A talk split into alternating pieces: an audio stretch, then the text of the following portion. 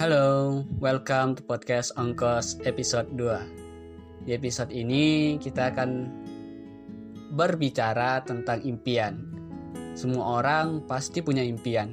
Gue punya impian, adik gue punya impian, teman-teman gue punya impian. Kalian semua pasti punya impian.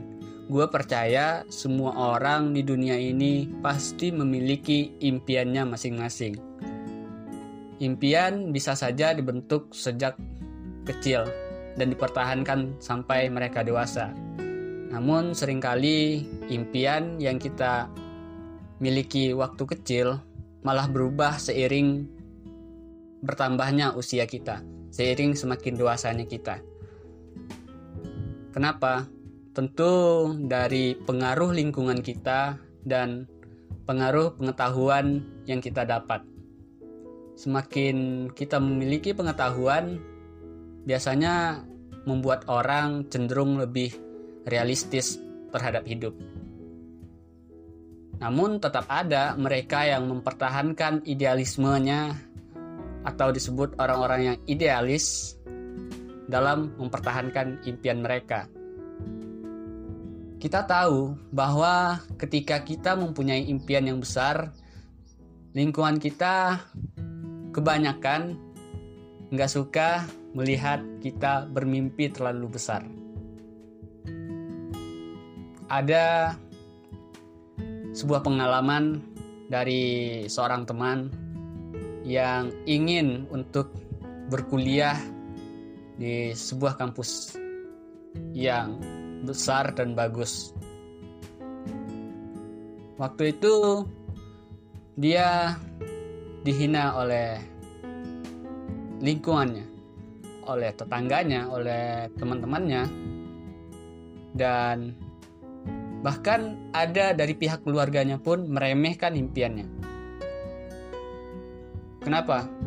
Karena mereka bilang kamu dari orang miskin, kamu nggak cukup pintar untuk bisa ke sana, kamu nggak punya duit buat buat mencapai impian kamu. Udahlah, nggak usah bermimpi terlalu jauh. Bermimpi itu boleh, asalkan realistis. Jujur, gue nggak setuju dengan ucapan bermimpi itu boleh, tapi harus realistis. No, buat gue kita bebas untuk bermimpi setinggi apa pun. Asalkan kita mau membayar harga untuk mencapainya. Kalau kita nggak mau mencapainya, nggak mau mengorbankan, nggak mau membayar harga untuk mencapai impian itu, sebaiknya ikuti saja kata-kata lingkungan kita tadi, kata-kata tetangga, teman-teman, bahkan anggota keluarga yang meremehkan impian kita. Gue meyakini bahwa ketika bermimpi, pertama kita harus yakin bahwa kita bisa mencapai impian itu. Jika kita tidak yakin terhadap diri kita sendiri, terhadap kemampuan kita sendiri, jangan harap lingkungan kita, teman-teman kita, siapa pun bisa percaya bahwa kita sanggup mencapai impian itu. Dibutuhkan perjuangan, dibutuhkan waktu, dibutuhkan tenaga, dibutuhkan fokus.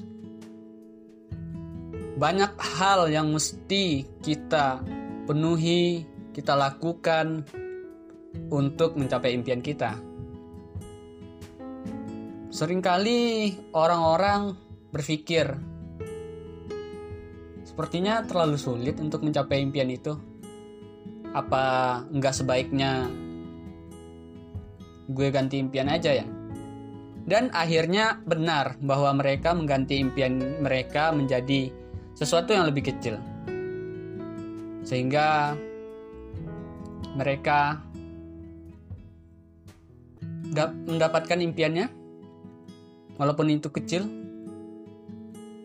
Ya begitulah, padahal sebelumnya mereka memiliki impian yang sangat besar.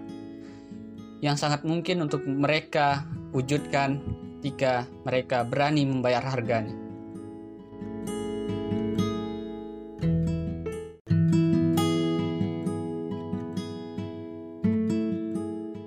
Satu hal yang gue yakini bahwa kita tidak harus membuat impian kita menjadi kecil hanya karena orang lain mengatakan bahwa kita tidak sanggup untuk meraihnya.